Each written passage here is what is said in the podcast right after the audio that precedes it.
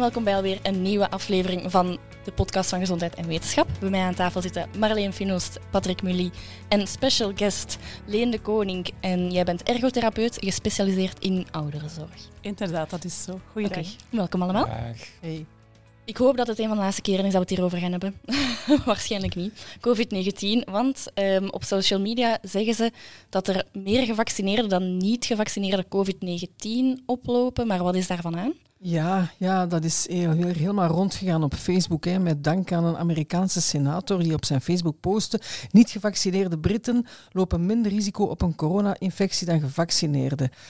En ja, hij baseert zich en hij verwijst naar een Brits rapport, officiële cijfers inderdaad. Een rapport eh, dat werd uitgebracht regelmatig met een update van de cijfers. Zoals Cienzano bij ons doet, doet, eh, doen ze dat ook in andere landen.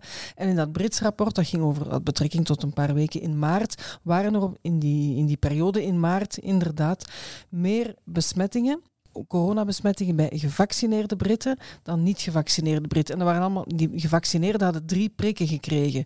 Dus ja, ik heb die tabel bekeken en inderdaad, je denkt van hé, dat is eigenaardig, want het was, het was per 100.000 inwoners. Dus het was echt wel zo dat er wat meer eh, coronabesmettingen waren in de gevaccineerde groep. Nu, daar zijn een aantal verklaringen voor. Daar heeft, dat, biedt, eh, dat, dat staat ook in dat rapport van Ho, trekt daar geen conclusies uit, wat die Amerikaan die senator duidelijk een, met een antivax bedoeling wel gedaan had. Maar eh, er zijn een aantal verklaringen voor. Waarom waar zijn, er, waar zijn er wat meer mensen in de gevaccineerde groep besmet? Omdat dat heel vaak gezondheidswerkers zijn. En die hebben een veel groter risico op een coronabesmetting. Die zijn, eh, dat is een grote groep gevaccineerden ook.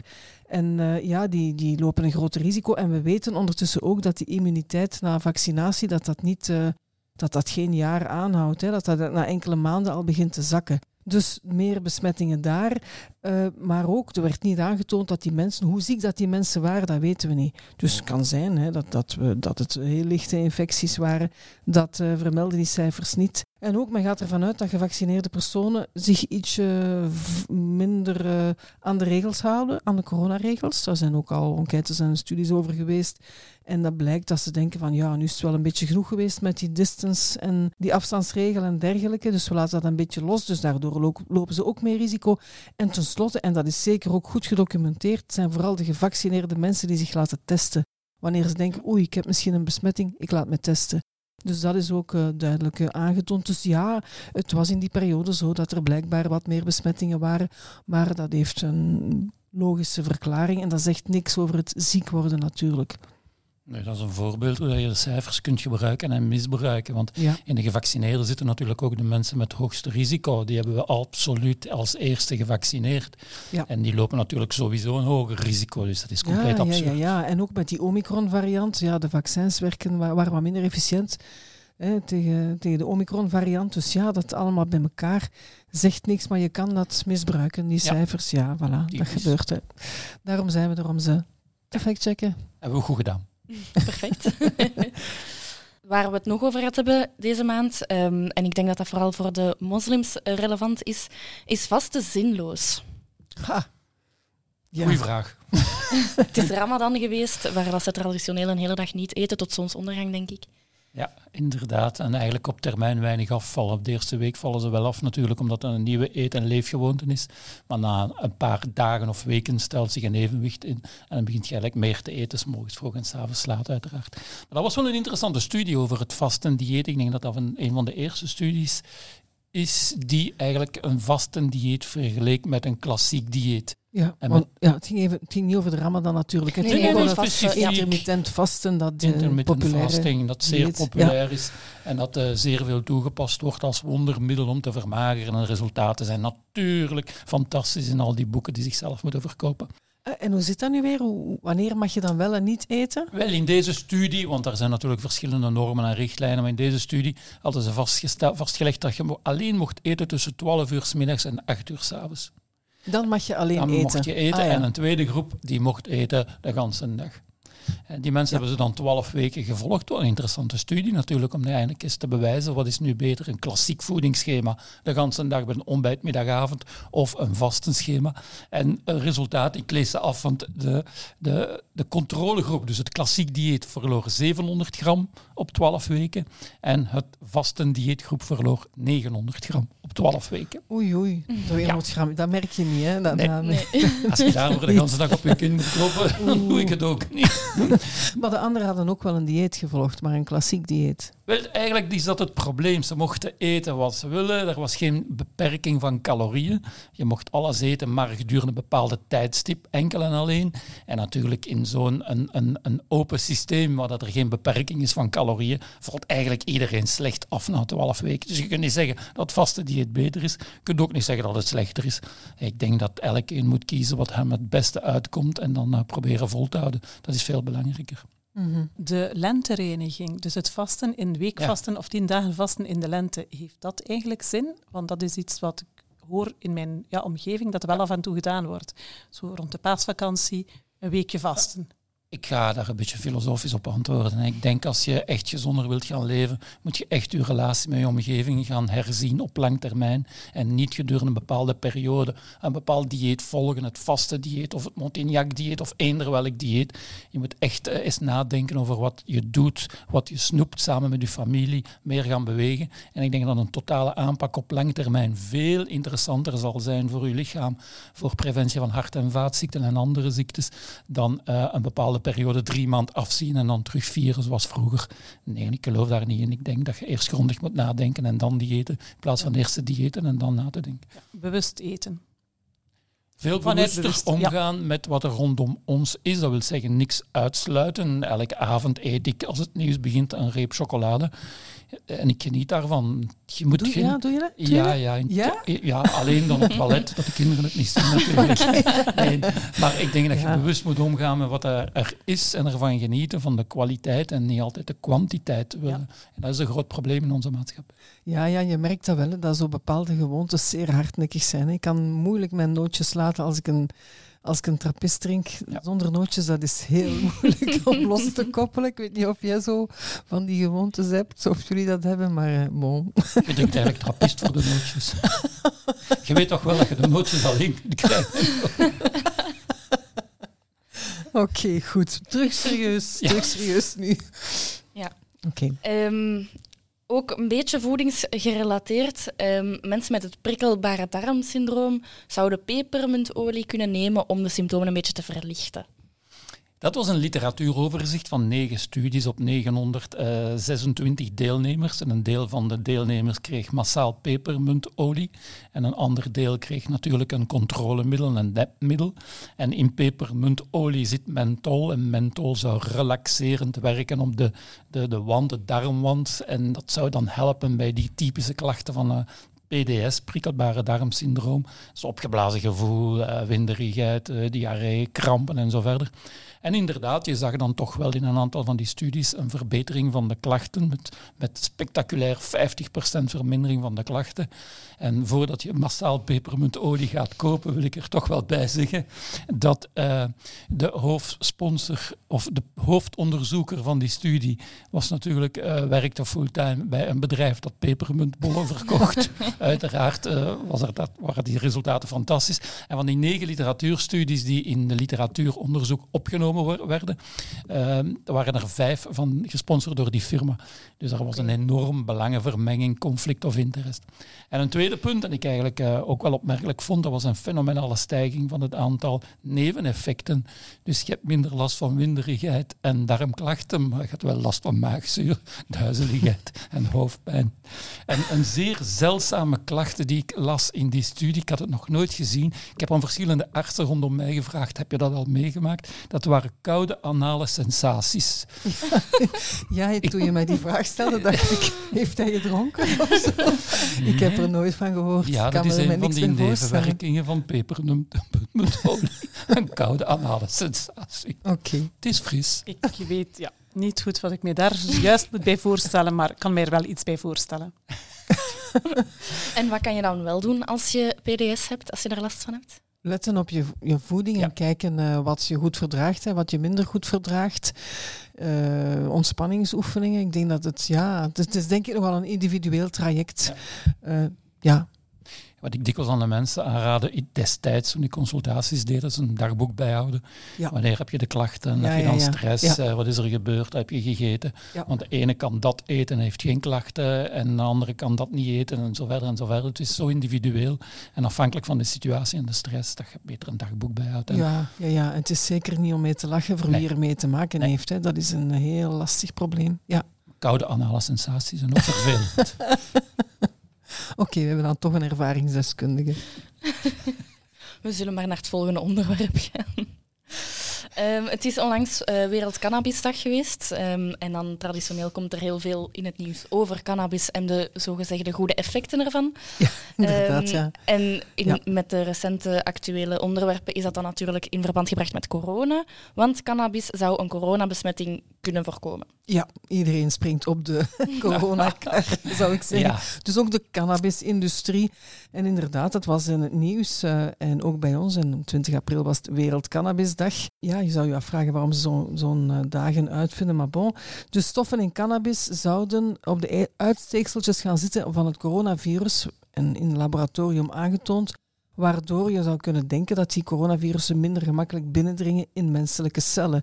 Nu, oh, dat ging over stofjes die in de cannabis, cannabisplant voorkomen, inderdaad. Eh, maar dat is een ja, model bekeken in een laboratorium en niet meer dan dat. Dus nooit uitgetest bij mensen. Of dus om van die stof van de cannabisplant eh, conclusies te trekken over een joint roken en een coronabesmetting voorkomen. Dat is natuurlijk 25 stappen tegelijk oh, eh, ja, nemen. nemen. Ja.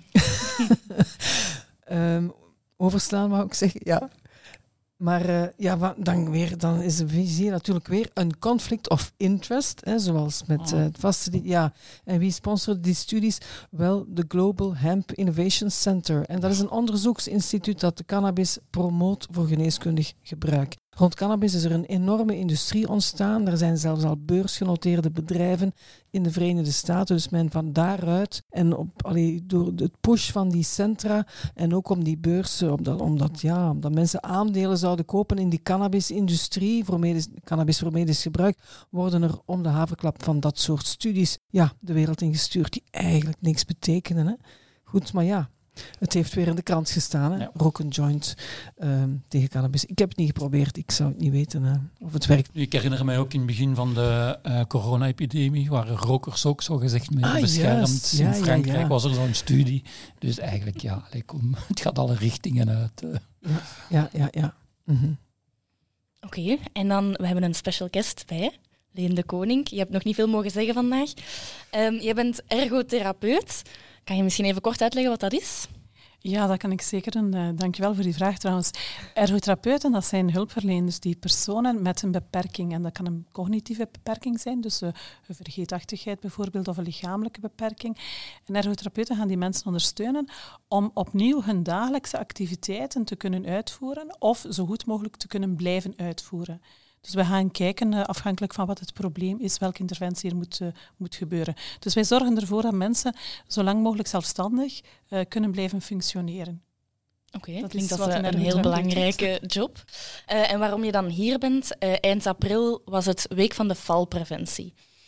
Is dat belangrijk, valpreventie? Wel, um, ik moet zeggen, elke seconde valt er wereldwijd één persoon. Elke elf seconden wordt er wereldwijd iemand opgenomen in het ziekenhuis omwille van een valpartij. En tegen het einde van deze podcast zal er spijtig genoeg wereldwijd één persoon overleden zijn omwille van een valpartij of omwille van de gevolgen van een valpartij. Dus vallen is inderdaad een heel frequent voorkomend uh, iets. En het staat, dacht ik, uh, in de top 5 van de oorzaken van overlijden uh, hier in, in België en in de westerse wereld. En gaat dat dan over Heel alle Wel, of- ja, dat is een hele goede vraag. Het zijn voornamelijk de oudere personen die dus meer kans hebben om vallen. Want vallen, de oorzaken van vallen zijn multiple. En een van de oorzaken is verminderd evenwicht, verminderd mobiliteit. En we weten bij het ouder worden eh, dat onze knieën, onze gewrichten wat minder goed werken, dat onze spieren eh, een stuk eh, spierkracht afnemen. Ehm, dus dat, zijn, dat is een van de oorzaken. Maar er zijn meerdere oorzaken en daar Mhm. moeten we heel heel goed rekening mee houden. Ehm, er zijn een zeven, achttal oorzaken voor vallen. En bij oudere personen is het probleem dat die vaak gecombineerd voorkomen.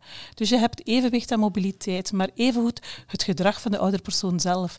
Er wordt aan de deur gebeld en we kunnen de mensen toch niet aan de deur laten staan, dus men springt recht om die deur open te doen. En men kan duizelig worden omwille van een bloeddrukval, bij het mhm. te vlug recht komen. En vaker komt dat voor bij oudere personen dan bij jongeren. Maar ook het schoeisel. Hè. Um, ja, schoeisel moet... Sloffen, sloffen ja, open ja, inderdaad. Of, Hè. of rap in, in, in de... uit de zetel. Voilà. Ja, ja, en, en je hebt ook schoeiselsloffen die langs achter dicht zijn, maar het is zo vlug die schoenen erin gestoken, de achterkant plat ja. De schoenen moeten echt heel goed vastzitten aan de voet, zowel vooraan als achteraan. Mhm. Maar dat wil niet zeggen dat mensen dicht schoeisel moeten dragen. Het wordt beter weer. Je mag open schoeisel dragen, maar het moet goed vastzitten. En daarnaast is ook de, de hoogte van de hak wel belangrijk.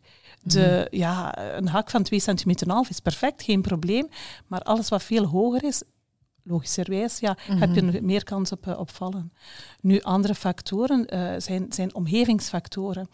Um, losliggende tapijtjes en zo. Losliggende tapijtjes, ja, ja. Of de, de stofzuigerrobot, hè, die, die rond aan het rijden is.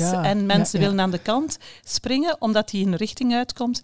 En dan vallen oh. ze. Ah, ja. Uh, daar zijn ook accidenten, valaccidenten mee dan. Daar zijn inderdaad ook valaccidenten mee. Nu, ik kan me voorstellen, de sterfte tijdens het vallen, begrijp ik. Ja, kunt overlijden door, door het slechte vallen. Als je van een trap valt of zo bijvoorbeeld. Ja. Maar wat is de sterfte na de valpartij? Is de revalidatie en herstel? Ja, ja, het is zo um, dat je inderdaad niet alleen omwille van de vallen, het vallen zelf uh, overlijdt, maar ook omwille van complicaties. Als men na een valpartij, heupfractuur bijvoorbeeld, wat vaak voorkomend is, lang moet blijven liggen in bed omwille van de revalidatie, dan heb je minder bloedcirculatie en kunnen er andere zaken ontstaan. Dan riskeer je een trombose. Voilà, inderdaad. Ja. Nu, het is zo dat iemand die 80-plusser is en een valpartij gehad heeft, um, dubbel zoveel kans heeft op overlijden binnen de twee jaar tegenover een 80-plusser die geen valpartij gehad heeft. Dus ja, de gevolgen van vallen zijn echt wel heel ernstig. Ja, ik denk dat de cijfers als je valt en een heup breekt ook vrij hoog, ben, hoog is. Hè? Hoog is was uh, de mortaliteit, dus de sterfte door uh, na een vallen. Je breekt je heup. Hè. Zo, zo, eind, zo is het vaak. Hè. Mensen uh, ja, vaak, die, die, dat geneest moeilijk hebben, moeten een heupprothese krijgen, liggen lang in bed. En, maar het hoeft niet altijd um, op, op overlijden uit, uit de monden. Nee, niet. Maar toch is het wel zo dat als iemand gevallen heeft en bijvoorbeeld een, een kniefractuur heeft, een ouder persoon een kniefractuur heeft omwille van een val, dat dat volledig herstel van dat functioneren vaak niet, er niet meer is. Dus dat men blijft functioneel beperkingen hebben. Mhm. En dat is dan ook dikwijls een reden voor een vervroegde opname in een woonzorgcentrum. Mhm. Terwijl dat eigenlijk niet hoeft, want je kan heel wat zaken voorkomen. Je kan heel wat ja, uh, op een aantal zaken letten. Neem nu bijvoorbeeld medicatie is ook een van de factoren. Slaapmedicatie wordt bij oudere personen nog altijd te veel genomen. Absoluut. En, en ja, als dat, dat pilletje dan eventueel ook smiddags om een middagdutje te doen, een kwartje ervan genomen wordt, ja, dat, dan zorgt dat ervoor dat men in de namiddag terug alleen nog een stuk een zombie is um, en meer kans heeft om te vallen. Maar ook mhm. nevenwerking van andere medicamenten, waar, waarmee ik niet wil zeggen dat de medicatie die voorgeschreven is door de arts niet moet genomen worden. Dat wil ik mhm. niet zeggen. Maar je moet wel oppassen bij bepaalde medicamenten bijvoorbeeld. Wat kan je nu als ergotherapeut, hoe kan je daarin tussenkomen en, en wat kan je dan betekenen voor die mensen? Ja. Wat wij als ergotherapeut, of de, een van de belangrijkste taken van de ergotherapeuten in het kader van valpreventie, is woningaanpassing. Mm Wij gaan kijken in de woning, samen met de oudere persoon gaan kijken in de woning van wat zijn hier nu eigenlijk obstakels, wat zijn hier nu de grootste risico's. En dat kan een gladde vloer zijn bijvoorbeeld, dat kan een mat zijn, zoals dat je zegt, maar dat kan bijvoorbeeld ook een kast zijn waarbij dan ze uh, zaken die ze dagelijks continu nodig hebben, die bijvoorbeeld in de onderste kast staan, waarbij men zich moet bukken en bij het bukken naar rechts komen kan men draaiing krijgen. Of waarbij zaken, uh, de koffiekant bijvoorbeeld, in de bovenste kast staat, waarbij men te veel moet reiken. Dus dan gaan we gewoon adviseren om een aantal zaken eventueel te verplaatsen. Okay. Een ander iets wat wij ook adviseren is zorgen dat er voldoende licht is. We gaan nu niet zeggen dat iedereen zijn verlichting moet aanpassen, maar steek ook het licht aan. Want niet alleen um, de, de zaken in de omgeving, maar ook hoe, hoe we ermee omgaan als ouderpersoon. Dat is belangrijk. Mm Een ander iets wat de ergotherapeuten doen, is ook een aantal technieken aanleren om bijvoorbeeld veiliger recht te komen, veiliger recht te komen van een toilet, veiliger recht te komen uit een zetel. Ah ja, oké. Die... Allemaal heel veel praktische tips. En, en hoe, hoe komt nu, kan hoe kom je als ergotherapeut bij ouderen thuis? Is dat via de huisarts of worden jullie rechtstreeks gebeld door, door mensen? Dat kan, dat kan op verschillende manieren. Dus dat kan uiteraard via andere hulpverleners. De huisarts, de kinesitherapeut, de verpleegkundige die al aan huis komt. Maar dat kan ook via het OCMW zijn, via de maatschappelijk werker. Die vaststellen van er is een probleem bij die persoon. En mogelijk, het is ook zo dat val, uh, valpreventie eigenlijk, de valproblematiek, door verschillende beroepsgroepen moet aangepakt worden, omdat het verschillende oorzaken kan hebben om effectief te zijn. Dus en die beroepsgroepen, dat zijn de huisarts, de kine, de verpleegkundige en de ergotherapeut. Dus die andere beroepsgroepen zijn ook opgeleid om door te verwijzen naar elkaar. Mhm. Dus wij worden vaak doorverwezen uh, via huisartsen, soms via de kinesitherapeut en verpleegkundige, maar ook heel vaak via de mantelzorger die, dus de, de mantelzorger van de oudere persoon, die in contact gekomen is bijvoorbeeld met een, ja, een ergotherapeut in een andere situatie. Op deze manier. Wordt daar volgens jou voldoende op gelet? Ik heb zo de indruk van niet. Het is inderdaad zo dat in de eerste lijnzorg er echt wel nog heel veel ruimte is voor ergotherapie. En dat er echt wel kan voor gezorgd worden dat mensen langer thuis kunnen blijven wonen en meer comfortabel thuis kunnen blijven wonen. Ja. Dat is, uh, ja. Ik moet wel zeggen dat er um, aan gewerkt wordt. Dus het is zo mhm. vanuit het expertisecentrum Valpreventie Vlaanderen bijvoorbeeld, is er ook heel veel aandacht uh, uh, wat ergotherapie, ergotherapie betreft.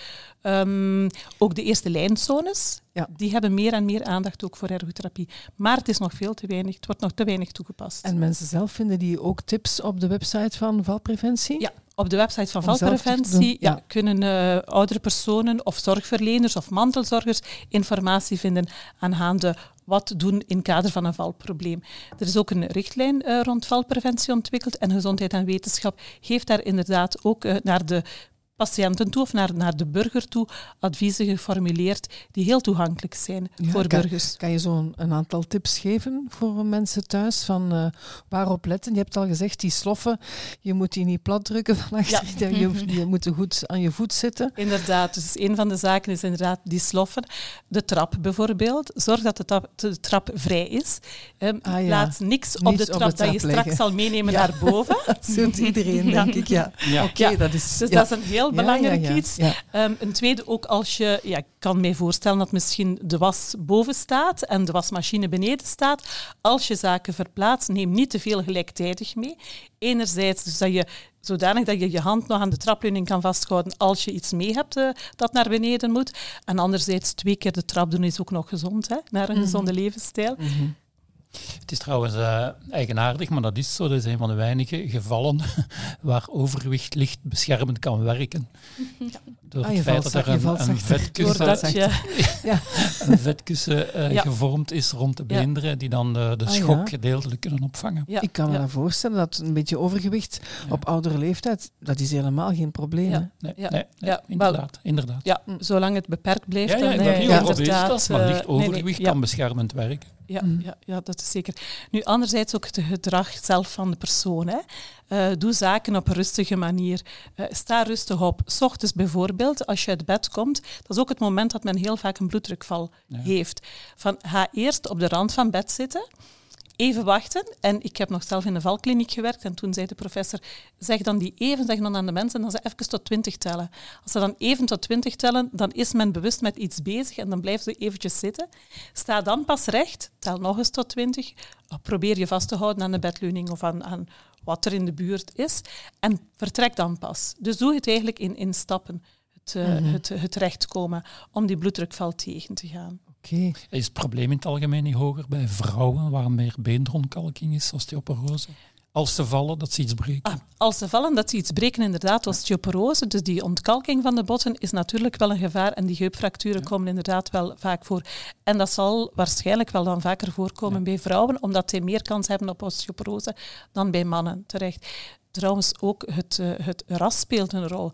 Mensen die um, blanke personen gaan gemakkelijker breuken oplopen dan bijvoorbeeld Afrikaanse types. Uh, die botten zijn botten Ja, die hebben sterkere botten. Mm. En die gaan minder fracturen... Uh, Ook omdat ze lichamelijk actief zijn vanaf jonge leeftijd waarschijnlijk. En die spieren trekken op die beenderen. En dat is een, een agressie voor dat been dat dan sterker wordt. Ja, dat zou- Fys- dat zou fysieke kunnen, activiteit is inderdaad. enorm belangrijk. En niet alleen calcium en melk en weet ik veel, maar ook fysieke is- activiteit. fysieke zeggen, ja, zo die vitamine D en, Ja, supplement- en zelfs medicatie om bruggen te voorkomen. Je bent veel beter af, denk ik, met valpreventie. Hè, met voorkomen van, eh, Ja. van, van, eh, ja, voorkomen van vallen. Een belangrijk tip, inderdaad, je vroeg net naar tips. Hè. Belangrijk is ook blijf fysiek actief, fysiek actief. Blijf bewegen. Mensen denken soms, ik ga in de zetel blijven zitten, ik kan niet vallen dan. Maar nee, door in de zetel te blijven zitten, gaan uw spieren aftakelen, gaan uw spieren minder krachtig worden. Dus dat is iets wat we mensen echt wel adviseren. Blijf actief, blijf bewegen, ehm, blijf... Ja, Ga eens op stap met de kleinkinderen. eh, blijf in je tuin rondlopen.